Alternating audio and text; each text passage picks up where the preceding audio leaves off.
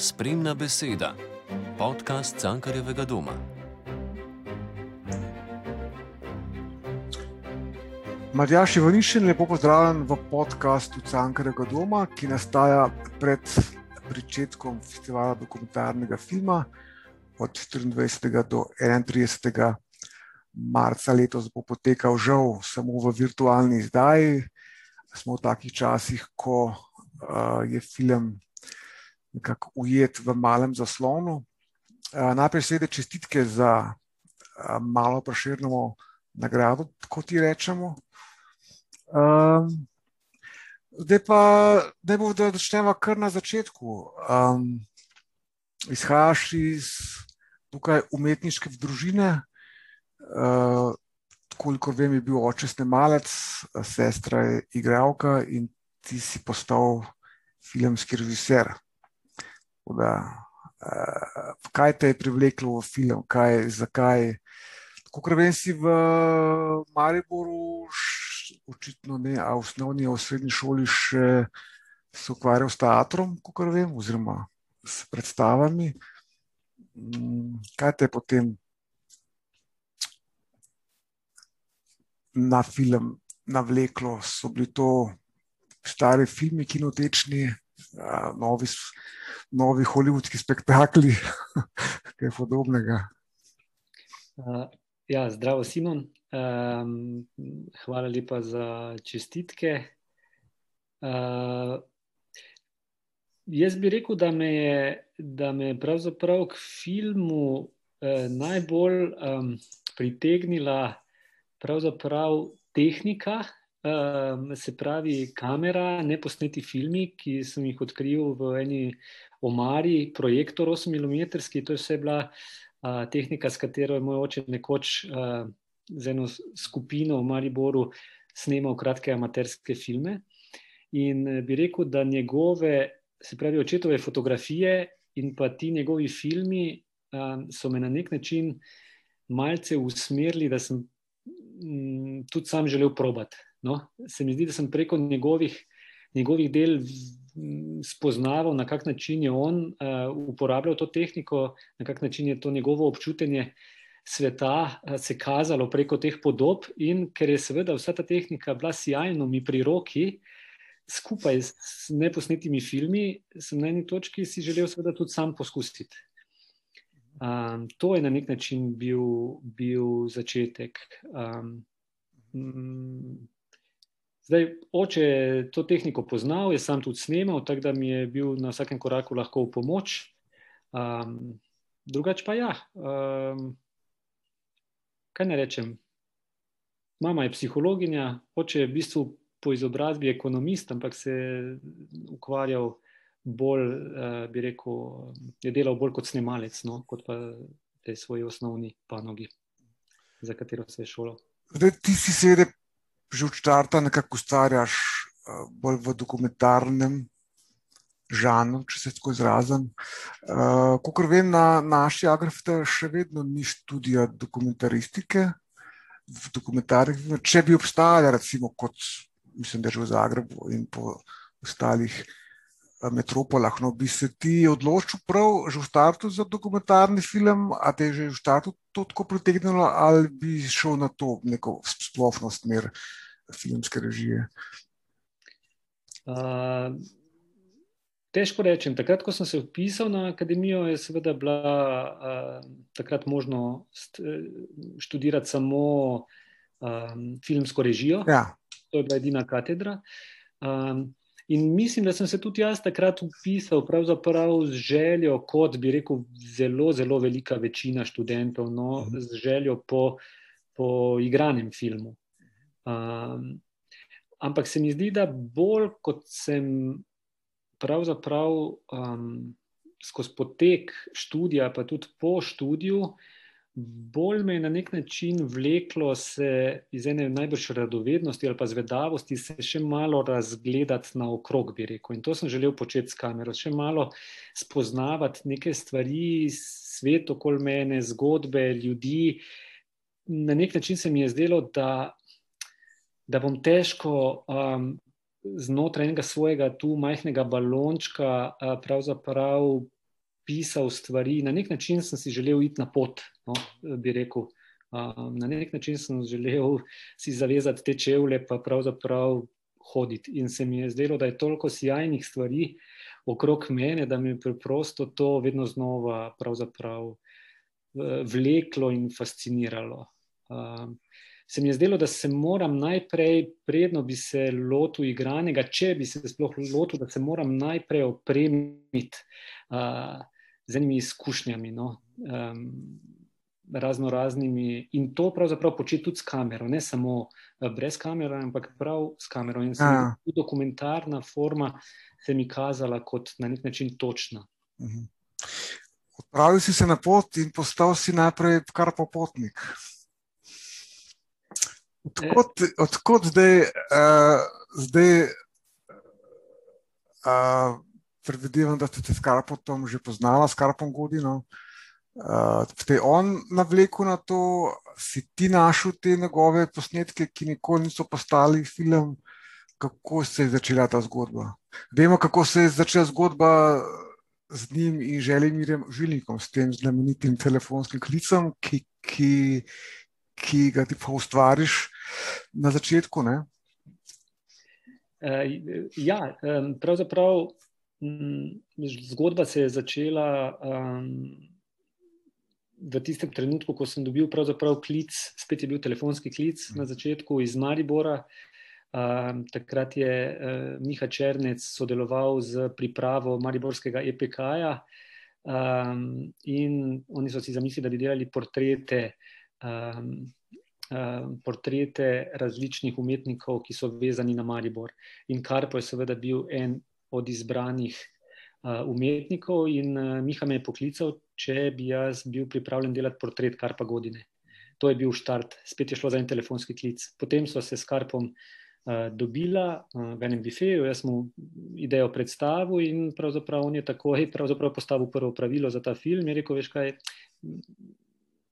Lahko delaj film, ampak eh, brez mene. Ne? Jaz, ne bi, jaz ne bi bil pred kamero.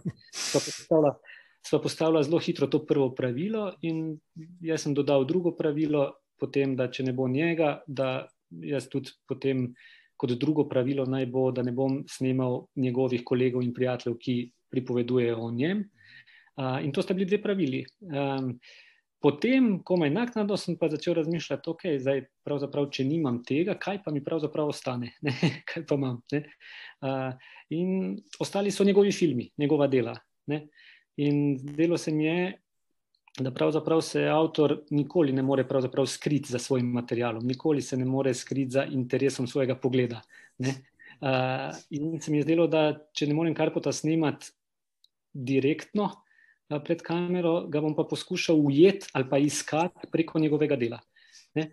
In potem sem pogledal vse njegove filme in se mi je zdelo, da bi iz tega lahko zmontiral film, ki bi govoril na nek način o kar pogodini, ampak uh, sem se na eni točki odločil, da je tega preveč, oziroma da je preveč, da, da, je, da bi bilo prekompleksno na nek način, pa ne čisto točno. In sem si rekel, ne bom zajel vsega, ampak bom naredil popolnoma obratno. Vzel bom najmanjši del njegovega dela. Vse tudi tam noter se on zrcali, prav isto kot iz celote. Ne? In zato sem prišel do tega materijala, ki mhm. se mi je zdelo, da s tem, ker ni bil nikoli na ta način zaključen, predvajan, da lahko ohranimo te fragmente tega filma, hkrati pa v teh vmesnih prostorih, v teh luknjah črnih, zapolnimo z mojimi podobami. Um, in na nek način pravzaprav začne en dialog, en medprostor med mano in Karpom, in pravzaprav da vidim, kaj se, kaj se zgodi. V bistvu že s prvim filmom vstopiš v, to, v ta rekel, metafilmski prostor, metafikcijski, to, kar je tudi meni z, z naskokom najbolj zanimiv in um, razdorljiv filmski rekel, ne bom rekel žanr, ki pač ni žanr, ampak vendar je neka izrazna oblika. Te, tega je bilo polno uh, v, predvsem v, v iranskem filmu 80-ih in 90-ih let, in še, in še danes je to marsikaj prisotno. Ne.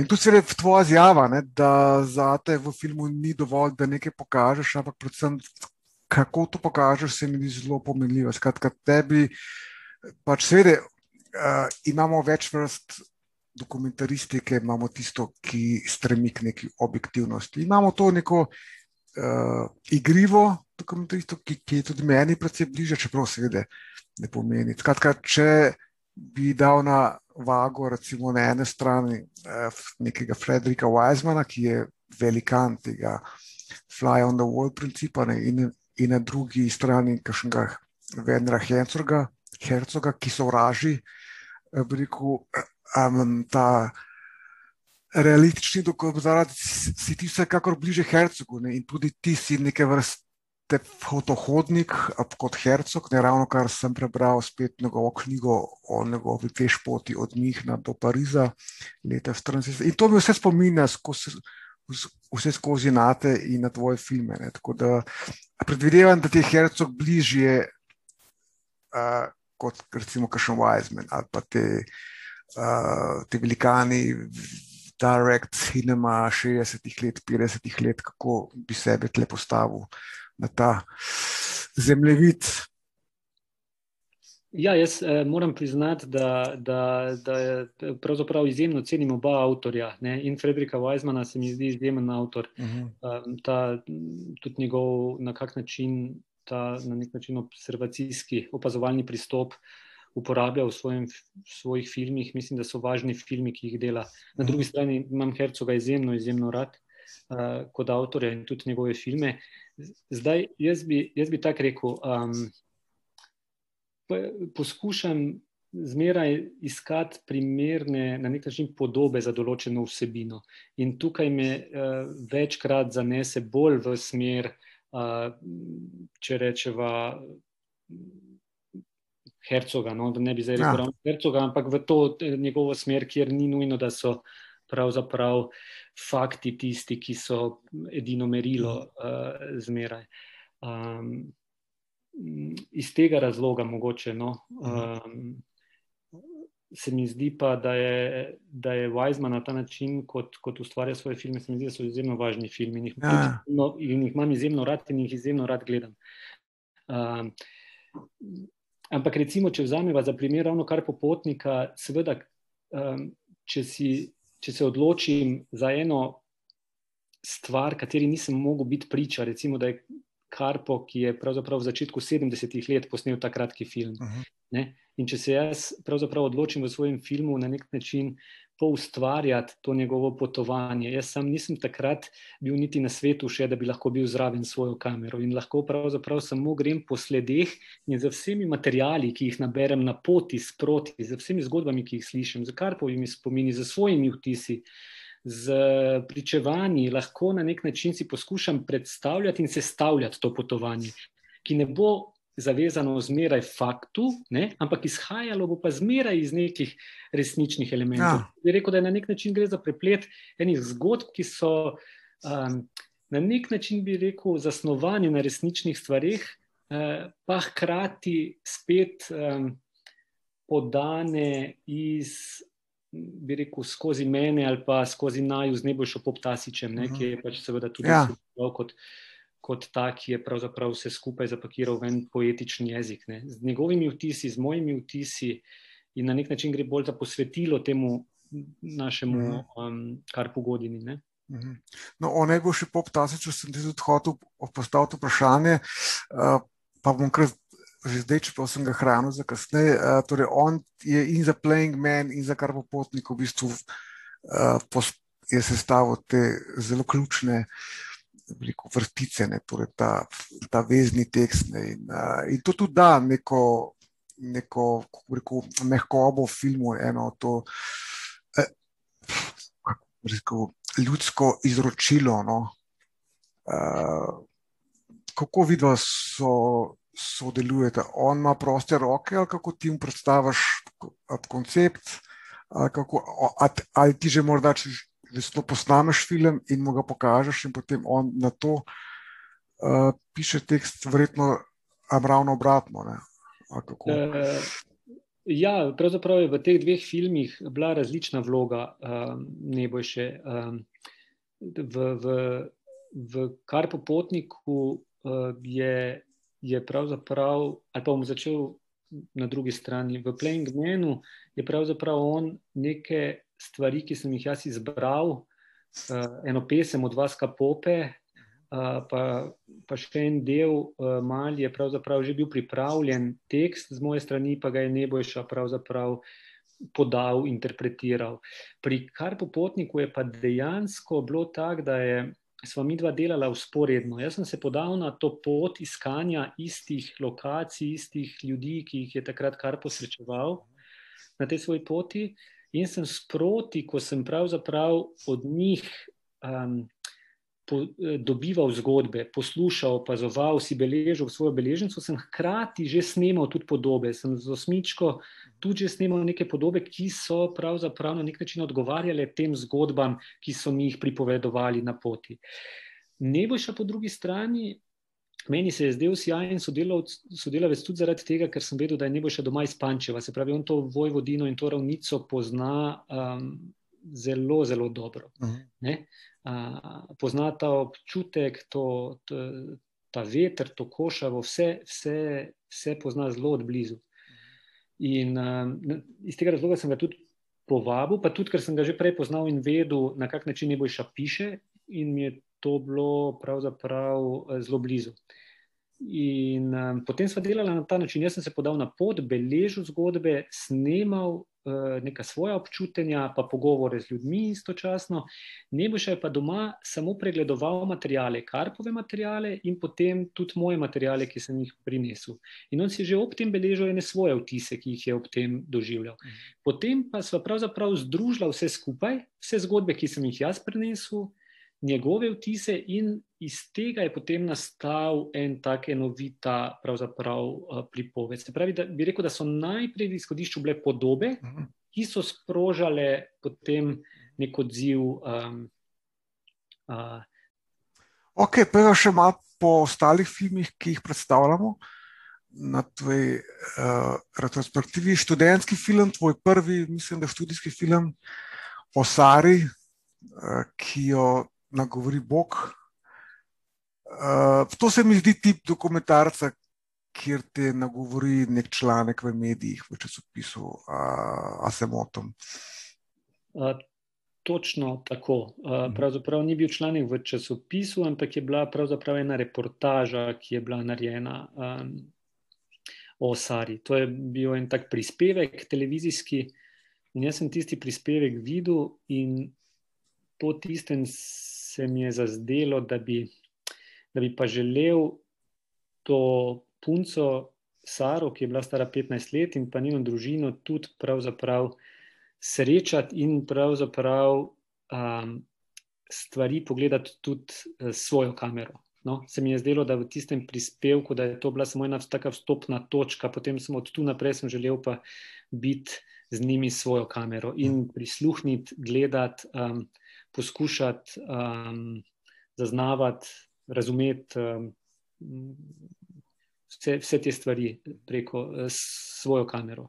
To je začelo se pa je točno tako, kot si, kot si rekel. No, je znan epilog te zgodbe, si, mislim, pač meni ni, ne, dej, a, kako se je to potem, a si ti potem još se spremljal, si ostal z njim v stiku. Ali še to morda, a je to še živa stvar. To, je, uh... to, to ne vem, na kak način je, je Saro danes. Uh, enih parkrat po, po snemanju, nekaj časa smo parkrat še govorili po telefonu. Uh -huh. um, Zdaj že dolgo časa ne, ampak eh, moram reči, da me vsakih toliko časa se spomnim na njo, se spomnim, um, bi rekel, na, uh, na film, na njo, in me pravzaprav se zelo, bi rekel, pogosto tudi vprašam, ali je, a je, a je to nekaj, kar bi moral še mogoče nadaljevati, se ponovno srečati, pa še kak del zabeležiti, ali je ta film končan. In se mi zdi, da sem bolj zmeraj v tem precepu in se odločim, ne, ta film je bil takrat narejen in je končan. Potem pa spet mine kako leto, dve in se spet zalotim v tem premisleku. Um, ne vem pa, kaj, kaj, kaj se dogaja s Saro dan danes. No? Ne vem. Hiške so, te, so televizijski film. To se mi zdi pa primer dokumentarca, ki si, si zamislil eno, potem te pa filmski proces v bistvu zapeljal nekam popolnoma v neko v novo smer. Ker mi je jasno, si sta videla z Darkom Sinkom hotela posneti film o propadajočih uh, hišah na podeželju, potem sta pa v bistvu posneli film o teh ljudeh. Mislim, nastal je film na koncu kako je se to razvijalo? E, ja, izhodiščna ideja, e, ki jo je imel Darko, je bila prav ta o, o teh hišah propadajočih in poskušati te zgodbe, pravzaprav e, teh hiš ali pa teh ljudi, ki so tam živeli, ujeti v film in na kak način jih pravzaprav ujeti in prikazati. In mi dva smo potem začela malce razmišljati in iskati lokacije, in iskati te posamezne, posamezne hiše. In v tem času so se dosti pogovarjala, ko smo se vozila okoli in pač iskala primerne lokacije. In seveda ena od lokacij je tudi bila, uh, bila ena hiša, um, njihova, pravzaprav družinska hiša, ki je bila hiša njegovega očeta v eni vasi. Tam v okolici Rogaške Slatine, in pravzaprav, ko smo se na to hišo malce bolj fokusirala, sva začela hoditi do sosedov in spraševati njih, kaj, eh, česa se oni spomnijo v povezavi s to hišo. Ne? In s tem, ko smo pravzaprav začela spoznavati preko teh zgodb te različne družine, ki tam živijo, se nam je na neki točki pa zazdelo, da je to pravzaprav um, nekaj, kar je mogoče nama bolj celo, um, ne bi rekel, interesantno, nekaj bolj točno za film. Na nek način se nam je zdelo bolj živo. No? Bolj, bolj, um, Zgodi se stvar, ki ti naredi film. Potem, jaz, sem, jaz sem neke take občutke ob lanskoletnem makedonskem dokumentarcu Medina dežela, ne, kjer tista družina, ki pride, tja, tista, uh, mislim, da je romunska družina in ki naredi celo štalo ne, okrog uh, tega medu in te uh, hatidže. Ne, ne vem, če si film videl, verjetno si. Uh, v bistvu, tak dogodek, v bistvu, ima en. Se, Se meni zdelo, da, je, da so jim oni naredili film. No, ker če njih ne bi bilo, bi bilo to mogoče ena tako malce fuhamoren portret neke starke, ki pregoji čebele. Zato se mi zdi interesantno. Ne, pač seveda, to je sestavni del dokumentaristike, v bistvu vedno, pri, mislim, vedno. Ne, jaz predvidevam, da ne malo krat številni avtori se jim nekaj zgodi, neka neka požja roka, ne, ki se zgodi in ki potem v bistvu film popolnoma pelje v novo smer. Ne. A se to te še, še potem kdaj zgodilo, kaj podobnega? Ja, jaz bi rekel, da se pravzaprav to na nek način konstantno dogaja. No. Um, ravno to meni se zdi pravzaprav ena izmed najbolj važnih stvari mm. pri nastanku filma, je pustiti na nek način, da obstaja ta možnost, da se nekaj zgodi. Tako, se pravi, ja. da, da moram sicer jaz v začetku imeti eno zelo jasno jedro, vzpostavljeno, mm. zakaj grem pač film delati. Ne? In zdaj, če vzameva kar popotnika, da se sam omejim. Ne, da rečem, ne, ne zanimajo me druge stvari, ampak zanimajo me samo te, ta točne te lokacije, kjer je kar posnemo in samo ti ljudje. To rabim neko takšno omejitev. Ampak potem pa zmeraj puščam ena vrata odprta, da lahko um, vstopijo novi elementi v, v, v samo mojo zgodbo. Ne? Jaz sem si nekaj stvari zamislil, ampak vedno znova vidiš, da so na terenu um, okoli tebe stvari, ki so bistveno bolj. Bodi si smešne, ali pa tragične, ali pa presunljive, kot si, si jih lahko kadarkoli zamislil. In tukaj poskušamo stajati buden za te vse stvari sproti, da lahko uh, pravzaprav te stvari tudi vstopijo v film. In če imam jaz dovolj jasno pri sebi spostavljeno jedro filma, se mi zdi, da ni nevarnosti, da se bi, eh, bi rekel, eh, preveč um, raztreščil. Uh, um, da lahko te stvari samo pravzaprav filmu dodajo. In da obstaja na tej poti, če so prej govorila o poti, nekaj obstaja. Ni to ena naravna avtocesta od A do B, ampak ima polno enih stran poti, ki mogoče ne, ne vodijo čisto nikamor, ampak niso, niso, eh, je važno jih odkrivati in se je važno um, podati po mhm. njih. Skratka, te pripeljejo do sjajnih, sjajnih stvari. Um, to se mi zdi pravzaprav um, ena stvar, ki jo poskušam um, na nek način skozi med v zavesti, in pa poskušati dopustiti, da si dopustiti možnost neke napake. Tudi, ne? Pustiti si možnost, da grejo stvari drugače. Ne? Se mi zdi, da samo s tem načinom lahko tudi se zgodi nekaj, kar je, kar je, kar je v redu. Mislim, v redu, kar je. Um, Interesantno. Interesantno, ja, vse stvari so pravzaprav okoli mene bolj kompleksne od tega, na kak način si jih jaz mhm. predstavljam, in vedno znova sem navdušen no, nad, mhm. nad, eh, nad tem. Arhitekturni filmi so štiri miniature, posnel si jih za projekt um, muzeja, arhitekturnega muzeja, ne vem točno kako se imenuje. Skratka, štiri. Uh, igrane, v bistvu, miniature, tukaj bi težko rekel, sploh, da gre za dokumentarce. Ne? Tako da malo koljufamo, kar jih vrtimo na festivalu dokumentarnega filma, ampak vendarle, v bistvu se to šele zdaj spoznajo. um, ampak vendarle, uh, to je bil. Naročen projekt, ne? skratka, ti si okrog neke statične forme, kot seveda arhitektura je, si vnesel neko življenje, neko, neko zgodbo, vedno. Ne.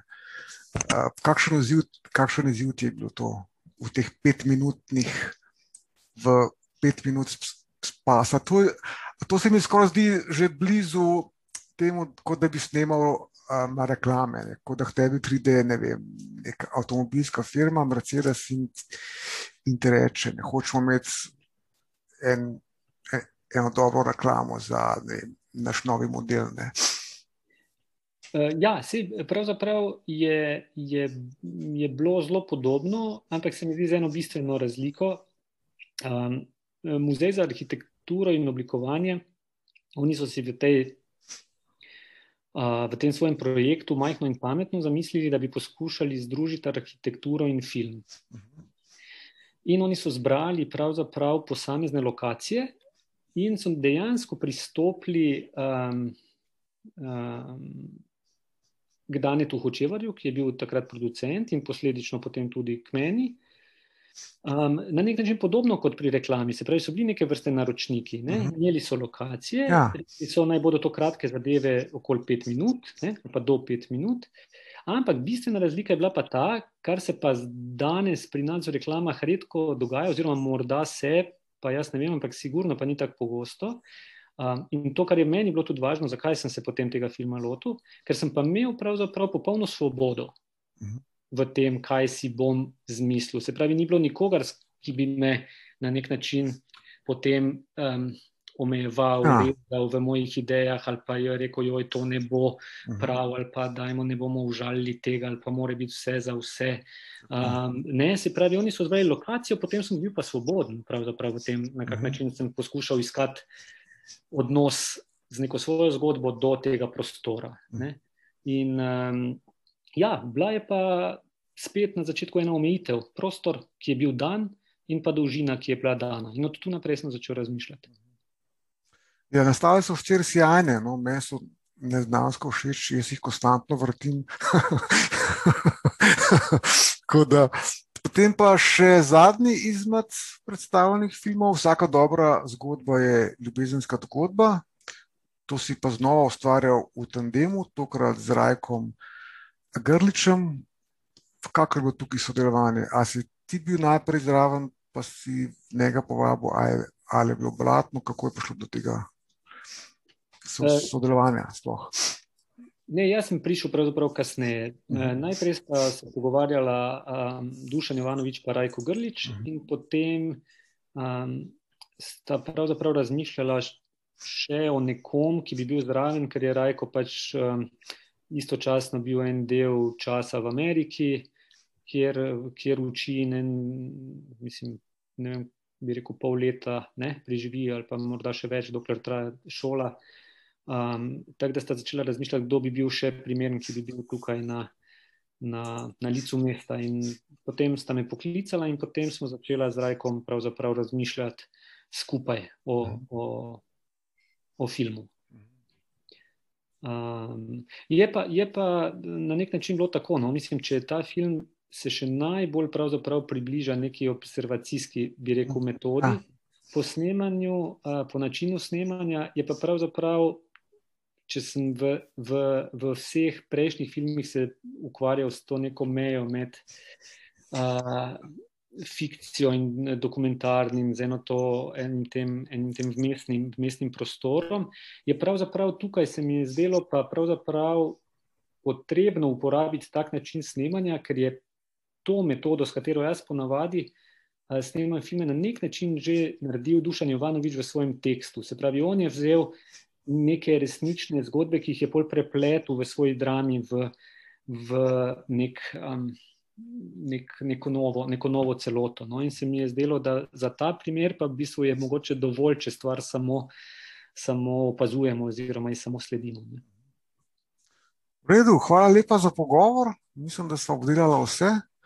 Eh, še vprašanje o morda novih projektih, ki jih pripravljaš? Uh, rekel bi, da si je spet um, na eni točki, ko, ko na začetku, no, ko, sem, mhm. ko stvari pravzaprav nabiram, pobiram, uh, poskušam, poskušam se prikopati do tega, da bi videl, kaj tu pravzaprav je. Um, spet sem na neki točki na začetku, ko, tako kot pri dokumentarnem filmu, ko se podam v neko temo, se pravzaprav gre zmeraj zgolj za eno slutnjo. Ne, uh -huh. Eno slutnjo, da je tam nekje um, tam nekje se skriva nekaj, kar je, kar je uh, iz česar bi lahko nastal film. Um, in tu sem zdaj na takem začetku, da bi karkoli bi rekel, bi. Uh -huh. uh, Ne vem, če bi, če bi karkoli povedal. No, ja, ja, razumljivo. Redu, hvala, Matjaš, in upam, da se enkrat vidimo v živo na predstavitvi uh, novega filma. Hvala lepa. Jaz tudi, eh, pa hvala za pogovor. Spremna beseda, podcast Cankarjevega doma.